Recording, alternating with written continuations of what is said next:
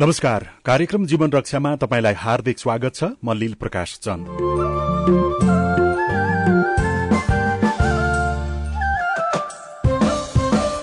सामाजिक शैक्षिक व्यावसायिक गतिविधि स्वास्थ्य सावधानी समसामयिक राजनैतिक परिवेशको बारेमा यो कार्यक्रममा हामी छलफल गर्छौं। सामुदायिक रेडियो प्रसारक संघ अकोराबद्वारा संचालित सीआईएनको प्रस्तुति यो हो कार्यक्रम जीवन रक्षा। कार्यक्रम जीवन रक्षा सीआईएन मार्फत मुलुकभरका सामुदायिक radio website CIN Khabar dot com Facebook page CIN Khabar CIN Sajha Khabar mobile app सीआईएनबाट पनि तपाई सुनिरहनु भएको छ। आजको कार्यक्रम जीवन रक्षामा हामी आगामी मक्सिर चारको निर्वाचन यसले जनजीवनमा पार्ने प्रभाव समावेशी सिद्धान्त कार्यान्वयनमा दलहरूको भूमिका कस्तो देखियो भन्ने बारेमा छलफल गर्दैछौ। यसबारेमा तपाईँको पनि कुनै विचार वा जिज्ञासा छ भने हामीलाई अहिले नै फोन गर्न सक्नुहुन्छ। हामीलाई शून्य एक बाहन्न साठी छ सय एकसठीमा अहिले नै फोन गर्नुहोला। तपाईँले कार्यक्रम जीवन रक्षा हाम्रो फेसबुक पेज सीआईएन खबरबाट सुन्दै हुनुहुन्छ भने त्यहाँ कमेन्ट गर्नुभयो भने पनि हामी तपाईँका जिज्ञासा सम्बोधनको प्रयास गर्नेछौं। हामीलाई फोन गर्नको लागि शून्य एक बाहन्न साठी छ सय एकसठी नम्बर प्रयोग गर्नुहोला। यो नम्बरमा प्रयोग यो नम्बरमा तपाईँको फोन आउने बित्तिकै तपाईँका प्रश्नहरूको सम्बोधनको प्रयास हामी गर्नेछौं। प्रतिनिधि सभामा अब कुल दुई हजार चार सय बाह्र उम्मेद्वार छन् जसमा पुरूष उम्मेद्वारको संख्या दुई हजार एक सय सतासी र महिला उम्मेद्वारको संख्या दुई सय पच्चीस रहेको छ। प्रतिसभातर्फ कुल तीन हजार दुई सय चौबिस उम्मेद्वार रहँदा दुई हजार नौ सय त्रिचालिस पुरूष उम्मेद्वार छन् भने दुई सय अस्सी महिला उम्मेद्वारहरू रहेका छन्। यसले समावेशी सिद्धान्त कार्यान्वयनको अवस्था कहाँ पुग्यो र यसमा नेतृत्व राजनैतिक दलका नेतृत्वहरूको भूमिका कस्तो रह्यो यो विषयमा आज हामी शुरूमा छलफल गर्दैछौ। महिला उम्मेद्वारको पछिल्लो संख्या र यसको प्रभावका बारेमा कुराकानीका लागि हामीसँग एमाले नेता बिन्दा पाण्डे टेलिफोन सम्पर्कमा हुनुहुन्छ। पाण्डेजी स्वागत छ कार्यक्रम जीवन रक्षामा यहाँलाई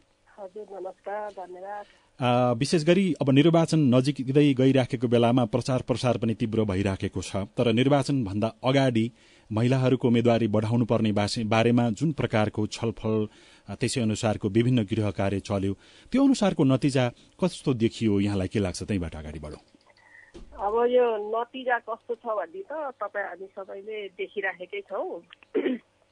यो जुन ढङ्गबाट अब सङ्ख्याको हिसाबबाट भन्ने हो भने गएको निर्वाचनभन्दा अलिकति थोरै बढेको खालको स्थिति छ। तर त्यो हाम्रो जुन खालको संविधान अनि हेलो? हजुर हजुर हजुर हाम्रो जुन संविधानले माग गरेको समयले माग गरेको अनुसार त गणना गर्नै नमिल्ने खालको स्थिति नै छ। किन भन्दाखेरि संविधानले अब समानुपातिक सहभागिताकै चाहिँ अपेक्षा गरेको छ। अहिले मागकै हिसाबले नि कम्तीमा पनि अब एकटिआई उम्मेद्वार हुनुपर्छ भन्ने खालको कुरा चाहिँ अब संसदले पनि निर्देशन दिएको आमदोसमा बाहिर पनि उठेको त्यसपछि अब निर्वाचन आयोगले पनि निर्देशन दिएको खालको कुरालाई कुनै पनि राजनैतिक दलले त्यसलाई अटेरी गरेको खालको स्थिति। भनेको यहाँनिर यति अपेक्षा हामीले यतिसम्म गरेका थियौँ अथवा त्यो संवैधानिक व्यवस्था संविधानले नै तेत्तिस प्रतिशत त निश्चित नै गरेको छ त्योभन्दा बढीमा अधिकार कर्मी अथवा अरू ने, महिला नेताहरूकै थियो। त्यसमा कतिसम्म पुग्यो कति चाहिँ बाँकी रह्यो भन्ने कुरा यहाँको विश्लेषण के हो त्यसबारेमा? होइन यो भनेको त यो जुन चौसठीको भन्दा पनि कम रह्यो भन्नुपर्छ। किन भन्दा चौसठीमा सत्तरीमा पनि कम्तीमा दस प्रतिशत महिलाहरू उम्मेद्वार चाहिँ नि त्यतिखेर क्यान्डिडेट दिएको थियो।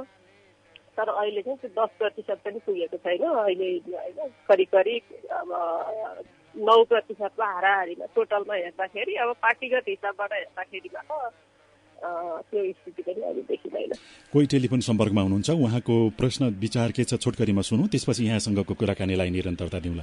हेलो? हेलो? सायद हाम्रो आवाज उहाँले सुन्नुभएको छैन। हामी कार्यक्रम जीवन रक्षामा छौँ। यदि तपाईँको पनि कुनै प्रश्न विचार छ भने शून्य एक बाहन्न साठी छ सय एकसठीमा अहिले नै तपाईँ फोन गर्न सक्नुहुन्छ। हामीसँग अहिले एमाले नेता बिन्दा पाण्डे हुनुहुन्छ। त्यसो भए अब उम्मेदवारीको संख्या यो रह्यो तर यो पनि अब महिलाहरू महिला नेताहरूले निर्वाचित भएर आउने कि नआउने भनेर अर्को अन्यल होला।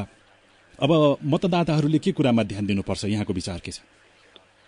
होइन हामीले बैसठी त्रिसठीमा जुन ढङ्गबाट आन्दोलन भयो त्यसमा समावेशिताका कुरा गऱ्यौँ सहभागिताका कुरा गऱ्यौँ र हामीले अब जसको सरकारको विषय निर्णय गर्ने ठाउँमा उसको सहभागिता हुँदाखेरि मात्रै हामीले त्यो त्यो समुदायको कुरा त्यसमा नीति निर्माण गर्ने ठाउँमा योजना बनाउने ठाउँमा समावेश गर्न सक्छौँ भन्ने खालको जुन खालको त्यतिखेरका विषयका मर्महरू थिए। त्यो मर्मलाई सम्बोधन गर्ने हो भनेदेखि मतदाताहरूले चाहिँ नि अब कति हाम्रो थुप्रै दर्जनौ अब उम्मेदवारहरू अहिले पनि अब त्यो अडचालिस सालमा निर्वाचन लडेको व्यक्तिहरू अहिलेसम्म पनि निर्वाचन लडिरहने नै खालको स्थिति छ हामीले प्रणाली नै पनि त्योभन्दा पछि फेरिसक्यौँ। तर न उम्मेदवार फेर्न सक्यौँ न हामीले चाहिँ नि बोली फेर्न सक्यौँ न व्यवहार फेर्न सक्यौँ। त्यसले गर्दाखेरि यो बैसठी त्रिसठीको आन्दोलनले स्थापित गरेका मुद्दाहरू र हाम्रो चाहिँ अहिलेको संविधानको जुन खालको चाहिँ भावना र मर्म छ त्यसलाई कार्यान्वयन गर्ने खालको नेतृत्व अबको चाहिँ आवश्यकता हो भन्ने खालको कुरालाई ध्यान दिनु जरुरी छ र मतदाताहरूले संविधानको कार्यान्वयनको लागि पनि महिलाहरूलाई जसरी निर्वाचित अथवा मतदान गर्नुपर्ने छ त्यसमा विशेष ध्यान दिनु पर्यो भन्ने यहाँको कुरा। हो किन भन्दा अब अहिले यो चाहिँ नि हामी सङ्घीयतामा गइसके पछाडि अबको चाहिँ नि जुन तिन तहको चाहिँ हाम्रो होइन जनप्रतिनिधिमूलक संस्था छ त्यो त्यो त्यो तिन तहको जनप्रतिनिधिमूलक संस्थाको काम चाहिँ फरक फरक छ।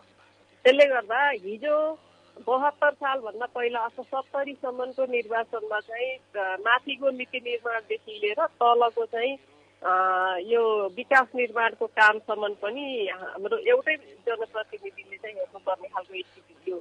तर अहिले आमरूपमा तलको चाहिँ नि विकास निर्माणको कुराहरू हाम्रो स्थानीय तहले नै गर्ने भएको कारणले अब त्यसमा सङ्घीय तहमा त्यसपछि प्रदेश तहमा गएका चाहिँ उमेर होइन हाम्रा प्रतिनिधिले कसरी समन्वय गर्ने सहयोग गर्ने भन्ने आफूसँग कुरा छ। तर मूलत भनेको सङ्घीय तहको प्रतिनिधिको काम भनेको नीति बनाउने र कानुन बनाउने खालकै कुरा हो। त्यसले गर्दा अहिले पनि बाटो बनाइदिन्छु पानी ल्याइदिन्छु भन्ने खालको होइन पुल बनाइदिन्छु भन्ने भन्दा पनि यो मुलुकमा हिजोको संविधानको आशय अनुसारका हाम्रा शिक्षाका कुराहरू हाम्रा स्वास्थ्यका कुराहरू हाम्रा रोजगारीका कुराहरू होइन हाम्रो अहिले चाहिँ नि जलवायु परिवर्तन भएर चाहिँ नि जुन खालको चाहिँ नि समस्याहरू आइरहेका छ यस्ता खालका समस्याहरूबाट चाहिँ नागरिकहरूलाई मुक्त गर्नका लागि कस्तो खालको नीति बनाउँछु र त्यसमा मैले कस्तो पहल गर्छु भन्ने खालको के अरे उम्मेदवार र त्यसपछि संविधानलाई हामीले दस वर्षमा पुनरावलोकन गर्छौँ भनेर भनेका छौँ। अहिले संविधानमा कतिपय कुराहरू चाहिँ नि देखिएका समस्याहरू छन् भने त्यसलाई कसरी चाहिँ परिवर्तन गर्छु भनेर विषय यसरी उठान गर्ने उम्मेदवारहरूलाई चाहिँ नि अब मतदाताहरूले सङ्घीय तहको उम्मेद्वारको हिसाबले भन्यो भनेदेखि मत दिनु जरुरी छ। पाण्डेजी हामीसँग अहिले कोही कोही सम्पर्कमा हुनुहुन्छ टेलिफोन सम्पर्कमा। उहाँको प्रश्न विचार के छ सुनौ त्यसपछि फेरि अगाडि बढाउँ हेलो? हेलो? हेलो। हजुर नमस्कार कहाँदेखि को बोल्दै हुनुहुन्छ छोटो परिचय सहित आफ्नो तपाईँको विचार प्रश्न के छ राख्नु होला? नमस्ते हजुर म भीम नेपाली रामेछापबाट। के छ तपाईँको प्रश्न विचार? मेरो अतिथिजीलाई के प्रश्न छ भने राज्यले व्यवस्था गरे बमोजिम। यो महिला दलित अल्पसङ्ख्यक मधेसी समुदायको यो प्रत्यक्ष निर्वाचन प्रणालीमा उहाँहरूलाई टिकट दिँदाखेरि चाहिँ हारिन्छ भनेर हो या उहाँहरूलाई किन त्यो जति प्रतिशत तेत्तिस प्रतिशत नौ प्रतिशत तेह्र प्रतिशतको आधारमा प्रत्यक्ष निर्वाचन लड्नलाई किन टिकट दिइँदैन?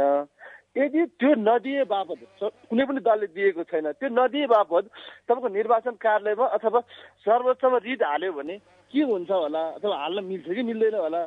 भन्ने मेरो उहाँलाई प्रश्न हस् धेरै धन्यवाद छ हामीलाई सुन्दै गर्नु होला। निकै महत्त्वपूर्ण प्रश्न गर्नुभयो। यहाँको के छ भन्नुपर्ने कुरा?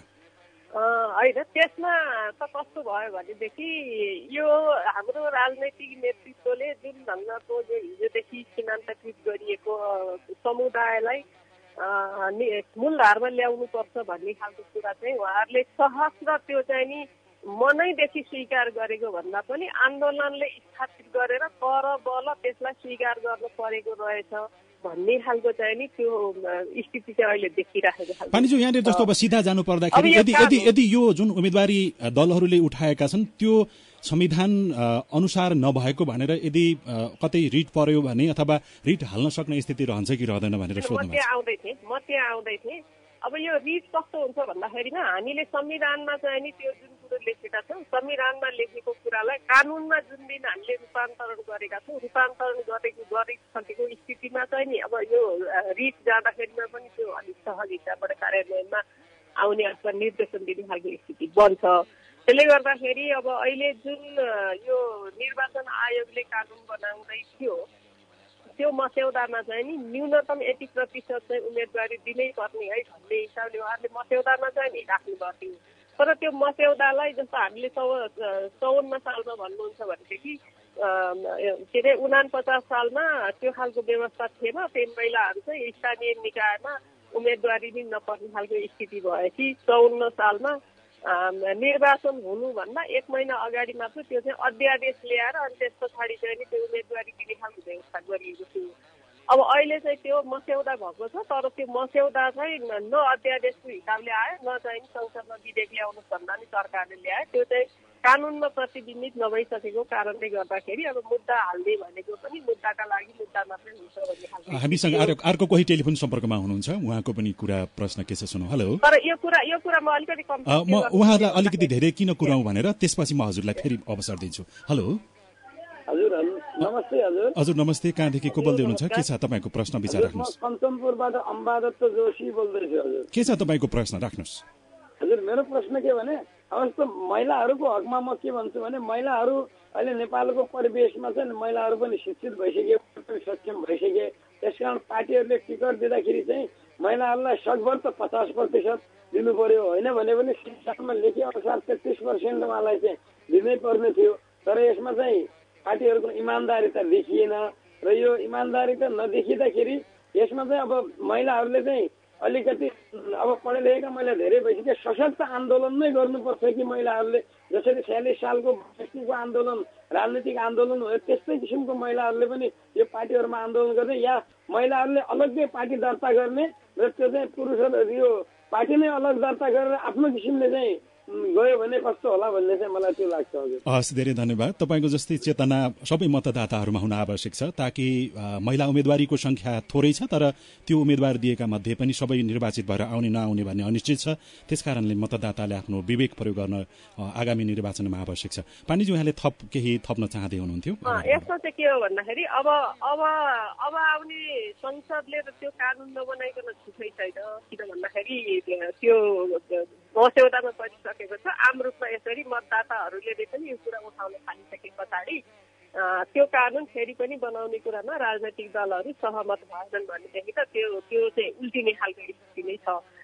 तर एउटा कुरा चाहिँ नि अब हामीले पनि अहिले चाहिँ नि अनुभूति भएको यो बिचमा के हो भन्दाखेरि राजनैतिक दलहरूले अहिले पनि चाहिँ नि अलिकति चाहिँ नि अल्मल्याउने खालको कुरा गर्दाखेरिमा महिलाहरू त्यो चाहिँ म पनि क्यान्डिडेट हुँ भनेर दाबी गरेर अगाडि आउने खालको स्थितिमा चाहिँ नि पुर्याउन सकिएको रहेनछ भन्ने खालको चाहिँ देखिन्छ। किन भन्दा अब तलबाट नाम पठाउने क्रममै कम्तीमा पनि एकजना महिला सहितको चाहिँ नि नाम पठाउने त्यो सम्भावित उम्मेद्वारमा भन्दाखेरिमा पनि तपाईँहरूको यतातिर पऱ्यो भने अर्कोतिर चाहिँ समानुपातिकतिर चाहिँ दाबी गर्नै पाइँदैन है भनिदिएको कारणले गर्दाखेरिमा यतातिर त दिने स्थिति नै छैन किन गर्ने भनेर चाहिँ नि महिलाहरू कतिपय दाबी गर्ने ठाउँमा नि अल्मलिएको पनि यसपालि देखियो त्यसले गर्दाखेरिमा अब मतदाताहरूमा आएको चेतनालाई पनि हामीले चाहिँ सम्बोधन गर्दै र सम्मान गर्दै अब आउने निर्वाचनमा स्थानीय निर्वाचन होस् अथवा चाहिँ प्रदेश र सङ्घीय तहको हरेक निर्वाचन क्षेत्रमा महिलाहरू सबै दलका महिलाहरू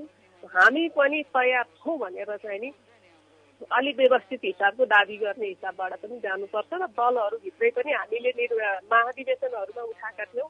कम्तीमा त्यो नीति निर्णय गर्ने ठाउँमा पनि एक तिहाई महिला चाहिन्छ भनेको त्यो हामीले जुन गर्न सकेनौँ त्यसको प्रतिबिम्ब चाहिँ अहिले यो निर्णय गर्ने बेलामा देखियो भन्ने लाग्छ। त्यसले गर्दा पाँच वर्ष पछाडि अथवा चाहिँ अब हुने चाहिँ पार्टीहरूकै स्थानीय तहदेखि केन्द्रसम्मको जुन चाहिँ नि अधिवेशनहरू हुन्छन् त्यो ठाउँमा पनि निर्णय गर्ने पदाधिकारी तहमा नै महिलाहरूको समानुपातिक सहभागिताको मागसहित कम्तीमा एक तिहाई महिला हुनैपर्छ भन्ने खालको कुरा गरेर गइएन भने यो जुन हिजैदेखि चाहिँ नि पुरुषहरू चाहिँ नि होइन सक्षम महिलाहरूमाथि सधैँभरि क्षमतामा प्रश्न गर्ने जुन खालको मानसिकता छ यो मानसिकता मात्रै भएको चाहिँ नेतृत्व रहेको ठाउँमा चाहिँ नि नतिजा यस्तै हुँदो रहेछ भन्ने प्रतिबिम्ब यसपालिको चाहिँ यो क्यान्डिडेट पनि देखियो। हस् समय दिनुभयो। कुराकानीको लागि यहाँलाई धेरै धन्यवाद छ। नेकपा एमालेका नेता बिन्दा पाण्डे हुनुहुन्थ्यो। विशेष गरी राजनीतिक दलहरूले उम्मेद्वारी दिने बेलामा महिलाको उम्मेद्वारी कम उठा दिएको कम टिकट दिएको भनेर अहिले पनि टिका टिप्पणी आलोचना भइराखेको छ। यद्यपि कानूनी रूपमा लडाईँका लागि यो विषय अदालतमा पुग्दाखेरि पनि रिट निवेदक नै कमजोर हुने अवस्था छ विविध प्रावधानका कारणले भनेर हामीलाई उहाँले जानकारी गराउँदै हुनुहुन्थ्यो। आगामी निर्वाचन मक्सिर चारमा हुँदैछ। समानुपातिक बन्द सूचीका चार सय उनाचालिसजनाले जरिवाना बुझाउनु पर्ने बाँकी छ र त्यसका लागि निर्वाचन आयोगले आउँदो कार्तिक पाँच गते भित्रको समय सीमा दिएको छ। त्यो समयावधिभित्रमा यदि जरिवाना बापतको रकम बुझाइएन भने निर्वाचन आयोगले त्यो बन्द सूचीबाट नाम हटाइदिने भनेर चेतावनी पनि राजनैतिक दलहरूलाई दिइरहेको छ। राजनैतिक दलहरूभित्रको यो महिला उम्मेद्वारीको विषय र यसले पार्ने प्रभावको बारेमा आज हामी कार्यक्रम जीवन रक्षामा छलफल गर्दैछौं। र यो सँगसँगै निर्वाचनको बेलामा राजनैतिक दलहरूले गर्ने असीमित खर्च र त्यो खर्चले सर्वसाधारण नागरिकको जनजीवनमा कसरी प्रभाव पार्दछ र यसलाई किन कसरी नियन्त्रण गर्न सकिन्छ भन्ने बारेमा कुराकानी गर्दैछौँ। अहिले हामीसँग नेपाली कांग्रेसका नेता लक्ष्मी परियार हुनुहुन्छ। परियारजी उहाँलाई स्वागत छ कार्यक्रम जीवन रक्षामा। हजुर धन्यवाद नमस्कार। विशेष गरी यो जब निर्वाचनको लागि उम्मेद्वारी दिने समयभन्दा अगाडि महिलाहरूको संख्या बढाउनुपर्छ भनेर तपाईँहरूले आफ्नै पार्टीभित्र र अरू पार्टीभित्र पनि छलफलको लागि महिला नेताहरूको एउटा संयन्त्र त्यसरी नै परिचालित थियो। नतिजा त राम्रो देखिएन नि। तपाईँहरूको बल पुगेन अथवा नेतृत्वमाथि विवेक पुगेन। तपाईँ के ठान्नुहुन्छ? यस्तो हामीले खास गरी एक खालको विश्वास र एक खालको अपेक्षा लिएर चाहिँ हामी एउटा अभियानमा त जोडियौँ। तर तपाईँले भन्नुभयो जस्तै दुइटै कुरा चाहिँ नपुगेको हो कि भन्ने लाग्छ होइन? त्यहाँ बल पुगेन भनेर भन्दाखेरि हामी अलि अलि चाहिँ विवेकपूर्ण रूपमा नै हामी अगाडि बढेको थियौँ। यद्यपि अहिले चाहिँ पार्टीहरूले हुन त हिजोदेखिको जुन खालको एउटा संरचना जुन खालको एउटा विवेक जुन खालको एउटा चाहिँ प्रक्रियाबाट अगाडि बढेको छ प्रक्रियालाई नै अवलम्बन गरेर पार्टीहरूले हिँडे।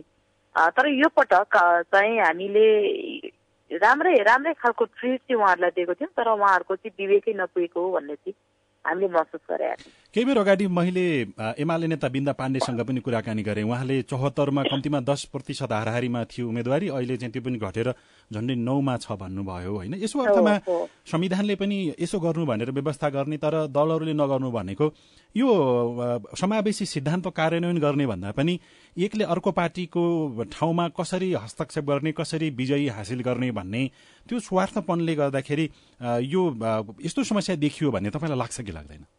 होइन त्यो छ खासमा अब विजयको कुराहरू भन्दाखेरि पनि मैले बारम्बार भन्दै आएको भनेको अहिले पनि नेताहरू चाहिँ महिलाहरू नेता हुन सक्दैनन्। होइन महिलाहरूलाई चाहिँ नेतृत्व चाहिँ प्रत्यक्ष रूपमा चाहिँ निर्णायक ठाउँमा चाहिँ नेतृत्व गर्न सक्ने अवस्था छैन भन्ने खालको बुझाइ नेताहरूमा छ होइन? त्यसैले अब यो जित र हारको कुरा त तपाईँको पुरुषैलाई टिकट दिँदाखेरि पनि त सबै जितेर आउने सुविधा हुँदैन होइन? तर महिलालाई टिकट दिएर जाँदाखेरि साँच्चै भन्ने हो भनेदेखि तुलनात्मक रूपमा चाहिँ महिलाहरूले यसबाट टिकट लिएर जाँदाखेरि जित्ने अवस्था थियो। तर त्यहाँनिर जुन भागभन्डाको कुरा भयो त्यस पछाडि त्यो आफ्नो आफ्नो मान्छेहरूलाई च्याप्ने र त्यो भागभन्डाबाट अगाडि जाँदाखेरि जहिले पनि पुरुषसँगै गएर ठोकिने कुराहरूले चाहिँ यसले अलि अलि अलि त्यसले चाहिँ गाइड गर्यो कि जस्तो मलाई लाग्छ। अर्को कुरा चाहिँ जुन समानुपातिकबाट तेत्तिस प्रतिशतको कुरा समानुपातिकबाट ल्याए पनि हुन्छ भन्ने खालको जुन एउटा बुझाइ छ त्यो बुझाइले पनि अहिलेसम्म काम गरेको हो। अब संविधानमा चाहिँ प्रत्यक्ष टिकट यति प्रतिशत दिनै पर्ने भन्ने चाहिँ संविधान त भएको हो भनेदेखि प्रत्यक्ष टिकटलाई कसैले रोकेर रोकिने अवस्था थिएन। यद्यपि होलसेलमा पछाडि चाहिँ प्रत्यक्ष चुनाव जितेर आइसके पछाडि पनि तेत्तिस प्रतिशत पुर्याउन पर्छ भन्ने कुराले चाहिँ यसले अलिकति काम गरेको हो। त्यसले चाहिँ प्रभाव पार्यो भन्ने चाहिँ मैले बुझेको छु। अब जति पनि महिला उम्मेद्वारहरू उठेका छन् उनीहरूलाई पनि जित्ने नजित्ने भन्ने कुरा निश्चित नभइसकेको अवस्थामा आफ्नो पार्टीभित्रै र पार्टी बाहिर हुन त अब तपाईँ एउटा कुनै पार्टीमा हुनुहुन्छ त्यो पार्टीको व्यक्तिले अर्को पार्टीको महिला उम्मेद्वारलाई जिताउँ भनेर भन्यो भने तपाईँमाथि नै भोलि फेरि कारवाही होला होइन? पार्टीभित्रैका महिला उम्मेद्वार जति उठेका छन् उनीहरूलाई जिताउनको लागि तपाईँको रणनीति अथवा तपाईँको कस्तो रहन्छ व्यवहार छुटकरीमा राखिदिनु होला होइन अब हामी खास गरी हुन त यहाँले भने जस्तै दलीय के अरे ऊबाट जाँदाखेरि होइन दलको संरक्षण गर्ने दलको उम्मेदवारलाई जिताउने भन्ने कुरासँगै छ होइन म एउटा चाहिँ जिम्मेवारी पार्टीको जिम्मेवारी ठाउँमा पनि छु यद्यपि आज हामीले जुन स्थानीय तहको चुनावमा हेर्ने हो भनेदेखि जनताले नेपाली जनताहरूले चाहिँ अलिक धेरै न्याय गर्ने खालको परिस्थिति बनेको छ होइन हिजो गठबन्धनले टिकट दिँदै गर्दाखेरि महिलाहरूलाई टिकट कम दिएको थियो। तर गठबन्धन नभएको पार्टीले अथवा अर्को पार्टीले चाहिँ महिला उम्मेद्वार दिए पछाडि त्यहाँ गठबन्धनको उम्मेद्वारलाई चाहिँ भोट नदिएर महिलालाई भोट दिएर चाहिँ महिलाहरूको चाहिँ अलिकति प्रतिशत चाहिँ बढाएको स्थिति छ। होइन त्यसैले अब अहिले पनि जति टिकट लिएर जानुभएको छ उहाँहरू आफैमा सक्षम पनि हुनुहुन्छ। होइन जित्ने अब भनेको मुख्य कुरा चाहिँ मतदाताको हातमा छ भन्ने मलाई चाहिँ के लाग्छ भनेदेखि अब महिलाहरूलाई चाहिँ पार्टीले न्याय नगरे पनि हामीले न्याय गर्नुपर्छ भन्ने खालको चाहिँ जनताको अब अब त्यो त्यो खालको मत चाहिँ हुन्छ कि भन्ने मैले बुझेको छु। अब मेरै कुरा गर्ने हो भने मैले पनि अब कतिपय ठाउँमा महिलाहरूले टिकट पाएनन् महिलाहरूले चाहिँ न्याय पाएनन्। अब म आफै पनि म टिकट लिएर गएर उठ्छु भन्दै गर्दाखेरि मैले आफैले टिकट पाएको छैन होइन? त्यो खालको चाहिँ म जहाँ जान्छु त्यो खालको कुराहरू चाहिँ मैले गर्ने गरेको छु। यद्यपि महिलाहरूलाई चाहिँ भोट दिएर जिताउनुपर्छ भन्ने कुरा त हामी एउटा अभियानमा जोडिएको मान्छे हामी के त भनिरहेको हस् धेरै धन्यवाद छ यहाँलाई समयको लागि र कुराकानीको लागि। नेपाली काङ्ग्रेसका नेता लक्ष्मी परियार हुनुहुन्थ्यो। अब हामी चुनावमा हुने असीमित खर्च र यसले जनजीवनमा पार्ने प्रभावको बारेमा कुराकानी गर्दैछौ। हामीसँग कुराकानीका लागि पूर्व अर्थ सचिव तथा सुशासनका एकजना अभियन्ता कृष्णहरी बास्कोटा अहिले सम्पर्कमा हुनुहुन्छ। बास्कोटाजी यहाँलाई स्वागत छ कार्यक्रम जीवन रक्षामा। हस् धन्यवाद निकै छोटो समय छ तर यहाँको महत्वपूर्ण कुराकानीको लागि हामी छोटो छोटो हामी संवाद गर्छौँ। विशेष गरी यो दलहरूले चुनावको बेलामा खर्च गर्ने परिपाटी बढिराखेको छ। यसपालिको प्रारम्भिक एउटा रुझान हेर्ने हो भने कस्तो लाग्छ? विगतका चुनावको तुलनामा अत्यधिक अझ बढ्ने खालको अथवा दलहरू नियन्त्रित अवस्थाबाटै खर्च पर्चल अगाडि बढाउँछन्? मेरो विचारमा त अहिले जुन किसिमको राजनीतिक प्रतिस्पर्धा छ अत्यन्त अस्वस्थ प्रतिस्पर्धा छ करिब करिब निर्वाचन आयोगले आफूले यो निर्वाचनको निमित्त दस पन्ध्र अर्ब रुपियाँ खर्च गर्छ भने दलहरूले त एक खर्बभन्दा बढी नै लगानी गर्छन् जस्तो लाग्छ। अहिले सुन्नमा आए अनुसार एउटा वडा अध्यक्ष जित्न नै पचास लाख रुपियाँ खर्च गर्नुपर्छ कुनै कुनै पालिकामा भन्ने सुनिएको छ। निर्वाचन आयोगले करिब करिब तेत्तिस लाख रुपियाँसम्म पच्चिस लाख रुपियाँ औसतमा खर्च गर्ने गरी यो एउटा आचार संहिता तोकेको छ। तर केही मान्छेको भनाइ चाहिँ एउटा प्रतिनिधि सभाको सांसदको निमित्त मोटामोटी दुईदेखि तिन अर्ब रुपियाँ खर्च नगरी चुनाव जित्न सकिन्न भन्ने यस्तो गलत चिज नेपालमा आइरहेको छ। अब यस्तो अवस्थामा निर्वाचन आयोगले आचार संहिता कडाई गर्नको लागि के कुरामा ध्यान दिने र त्यो बाहेक अब राजनैतिक दलहरूले त जति जसरी पनि निर्वाचित हुनैपर्छ भन्ने त्यो मान्यताका कारणले उनीहरू त्यतातर्फ लाग्लान्। अब कसले के कुरामा ध्यान दिनु पर्यो? यसमा त सबभन्दा ठुलो कुरो त सकियो भने विवेकशील मतदाताले नै ख्याल गर्नुपर्छ यसरी लगानी गरेको तस्करबाट परिचालित अथवा अहिले निर्वाचनमा दुई तिन अरब रुपियाँ खर्च गरेर पछि पाँच वर्षमा सांसद र मन्त्री भएर पाँच अरब रुपियाँ कमाउने यस्तो चिर परिचित अनुहारहरू मजाले जनताले चिनेका छन्। खालि जनता यति भ्रममा छन् कि पाँच वर्षपछि आएर फेरि खुट्टोमा ढौदियो भने बा भनिदियो भने आमा भनिदियो भने दाई भाइ भनेर अँगालो मारिदियो भने फेरि भोट हाल्छन् र एक प्रकारले जनता अत्यन्त राजनैतिक रूपमा विभाजित भए जो मान्छे म काङ्ग्रेस हुँ भन्ने छ उसले रुखै खोजेर हिँड्छ त्यो रुखमा उम्मेद्वार को छ? उसलाई त्यसको मतलब छैन। एमाले हुँ भन्ने मान्छेले सूर्य नै चिन्न खोज्दै हिँड्ने भयो उसले पनि त्यो एमालेमा को उम्मेद्वार छ भन्ने मतलब नगर्ने भयो अर्थात् मेरो भनाइको भाव के हो भने दल भनेको हामी बहुदलीय व्यवस्थामा छौँ संविधान त। त्यस हुनाले दलीय व्यवस्थालाई हामीले कमजोर गर्ने होइन। तर दललाई चाहिँ उपयुक्त उम्मेद्वार चाहिँ उठाउ भन्ने चाहिँ दबाब चाहिँ यो उप यो आम मतदाताहरूले दिन सक्थे। यद्यपि अहिले त अब निर्वाचनको लागि उम्मेदवारी दर्ता गरेर प्रक्रिया अगाडि बढ्यो। अब यहाँनिर यहाँले अघि भने जस्तै जसले पैसाको छेलो खेलो लगाइराखेको छ अथवा धेरै लाखौँ अर्बौँ खर्च गरिराखेको अवस्थाको उम्मेद्वार कोही गाउँघरमा छ भने त्यो उम्मेद्वारलाई भोट हाल्दाखेरि के कारणले मतदाताले आफ्नै खुट्टामा बन्चरो हाने जस्तो हुन्छ? यसमा मुख्य कुरा के छ? यस्तो यसमा चाहिँ त निर्वाचन आयोगले एउटा दुईटा मोटर प्रयोग गर भनेको छ। लावा लस्कर मोटर नै तिन चार दुई महिना तिन महिना पन्ध्र दिन अथवा डेढ महिना चलाइयो भने अहिले पेट्रोलियम पदार्थको मूल्य रुस र युक्रेनको युद्धले गर्दा यति धेरै माथि पुगेको छ। केही पहिला त निकै नै माथि गएको थियो। थोरै घट्यो। अर्को त्यहाँबाट अहिले जुन हामीले मदिराहरू लगायतका यति यस्तो विलासिताका चिजहरू छन् त्यही नै अहिले यो खास गरी चाहिँ पत्रु खाना खास गरी यो यो रक्सी यसको नै बढी प्रयोग हुने हो। र खास गरी हामीले तुल लगायतका विभिन्न फ्लेक्स बोर्डहरू जे निर्वाचनको निमित्त प्रचारका सामग्री बनाउँछन् अथवा मालाहरू जितिसकेपछि ल्याउँछौँ प्लास्टिकका माला यी सम्पूर्ण आयातित हुन्। यसले चाहिँ गएको वर्ष नै उन्नाइस खर्ब हाम्रो आयात भएर दुई खर्ब मात्रै निकासी गर्न सकेर झन्डै सत्र खर्ब व्यापार घाटा भएको थियो। पहिलो कुरो चाहिँ यो व्यापार घाटा चाहिँ साह्रै चुनिन्छ। हामीले यनै किन दुःखका साथ जम्मा गरेको विदेशी मुद्रा युएस डलर चाहिँ हाम्रो स्वाहा हुन्छ भन्ने कुरा आम जनताले बुझ्नुपर्छ। मैले अगाडि जुन यो मतदाताको आत्मघाती निर्णयको विषयमा कुरा गरेको थिएँ नि त्यो भनेको अहिले कुनै निर्वाचनको लागि उठेको उम्मेद्वारले लाखौं अर्बौं खर्च गरिराखेको छ भने भोलि ऊ निर्वाचित भएर आइसकेपछि नागरिकमा सुशासनको कुरा भन्दा पनि मैले त्यो जुन खर्च गरेको छु त्यो पैसा जताबाट भए पनि उठाउनुपर्छ भन्ने मानसिकता त एउटा उम्मेद्वारमा हुन्छ होला नि हुन्छ कि हुँदैन? हो वास्तविकता यस्तो छ। अझै सिधै उम्मेद्वारमा भन्दा पनि त्यो उम्मेद्वारलाई चाहिँ विभिन्न अवांछित व्यापारी क्रियाकलाप गर्ने इधरका माल उधर भारत र चिनको सिमानामा तस्करीको काम गर्ने मानव बेचबिखन गर्ने लागु पदार्थ ओसार पसार गर्ने यस्ता साह्रै बदमास मान्छेहरूले भित्रभित्रै लगानी गरेका हुन्छन्। उनीहरूसँग नगदै छ बैङ्कमा पैसा राख्दैनन्। यो एन्टी मनी लन्ड्रिङ अथवा सम्पत्ति शुद्धिकरणमा परिन्छ भ्रष्टाचारमा अकुत सम्पत्तिमा परिन्छ। भएर तिनले नगद नै खर्च गर्छन्।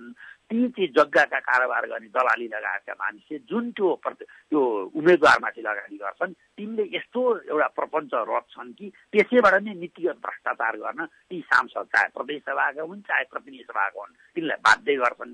तिनले पनि राम्रोसँग कुरा बुझेका हुँदैनन्। अब यहाँनिर अब जसले अहिले उम्मेद्वारलाई सहयोग गरिराखेको छ भोलि त्यहाँ त्यो क्षेत्रका मतदाता अथवा नागरिकले भन्दा पनि त्यही एउटा स्वार्थ समूहले त्यो सांसदलाई परिचालित गर्ने अथवा स्वार्थ समूहले चाहे अनुसारको निर्णय प्रक्रियामा सांसदले हस्ताक्षर गर्नुपर्ने सहभागिता जनाउनुपर्ने अवस्था आउँछ कि आउँदैन? हो यो कुरो त वास्तवमा त्यो सांसदले तपाईँ र मेरो संवाद सुनिँदा उनले पत्याएर गरेका छैनन्। मोहन कृष्णहरी बाँसकोटा र कृष्णहरी बाँसकोटा प्रश्न सोध्ने पत्रकार जस्तै स्वच्छ छवि भएको असल मानिस हुँ भन्ने उनलाई भरम परिरहेको छ। तर यो यो संसारभरि नै यो एक प्रकारले भ्रष्टाचार जन्य गतिविधि काम गर्ने जुन एउटा जालो हुन्छ त्यो जालोले यसरी असल प्रतिनिधिलाई पनि उम्मेद्वारलाई पनि फसाउँछन्। त्यो कुरोको उनलाई हेक्का हुँदैन। यसर्थ हामी कहाँ साधकीपन आएन। त्यही भएर हामीले के भनेका थियौँ भने वास्तवमा जुन दलले अथवा जुन उम्मेद्वारले जति मत ल्याउँछ त्यसकै आधारमा उसलाई निर्वाचन खर्च दिउँ। अन्य किसिमको खर्च गर्न नपाउने प्रणालीमा जाऊँ अथवा नेपालका जुन प्रतिनिधि सभाका सांसद निर्वाचित हुन्छन् या प्रदेश सभाका सांसद हुन्छन् ती मन्त्री हुन नपाउने भन्ने प्रणालीमा जाउँ ताकि त्यो भयो भने तिनलाई माथि लगानी गर्ने र त्यसको चाहिँ लगानी लाभको आधारमा प्रतिफल चाहिँ उठाउने त्यो सम्भावना रहँदैन। यसका केही विकल्पहरू विश्वमा छन्। नेपाल जस्तो मुलुकले चाहिँ नि यसरी सांसदमाथि जुन लगानी हुन सक्ने सम्भावना छ त्यसलाई न्यूनीकरण गर्नेतर्फ जानै पर्छ समय दिनुभयो। कुराकानीको लागि धेरै धन्यवाद। यहाँसँग हामी फेरि आगामी श्रृङ्खलाहरूमा कुराकानीलाई निरन्तरता दिनेछौँ। धेरै धन्यवाद। उहाँ हुनुहुन्थ्यो पूर्व अर्थ सचिव कृष्ण हरि बास्कोटा। उहाँसँग गरिएको कुराकानी सँगसँगै आजलाई कार्यक्रम जीवन रक्षाको समय सकिएको छ। कार्यक्रम सुनिसकेपछि तपाईँको मनमा उठेका प्रश्न र कुनै विचार भए हामीलाई पठाउन वा लेख्न सक्नुहुन्छ। शून्य एक बाहन्न साठी छ सय छयालिसमा फोन गरेर दिइएको निर्देशन अनुसार आफ्नो विचार राख्न सक्नुहुन्छ। साझा खबर एट जीमेल डट कममा पनि तपाईँले आफ्नो विचार प्रश्न हामीलाई पठाउन सक्नुहुनेछ। प्राविधिक साथी सुभाष पन्तलाई धन्यवाद दिँदै रेडियो कार्यक्रम जीवन रक्षाको आजको अङ्कबाट हामी सबै विदा हुन्छौ। नमस्कार।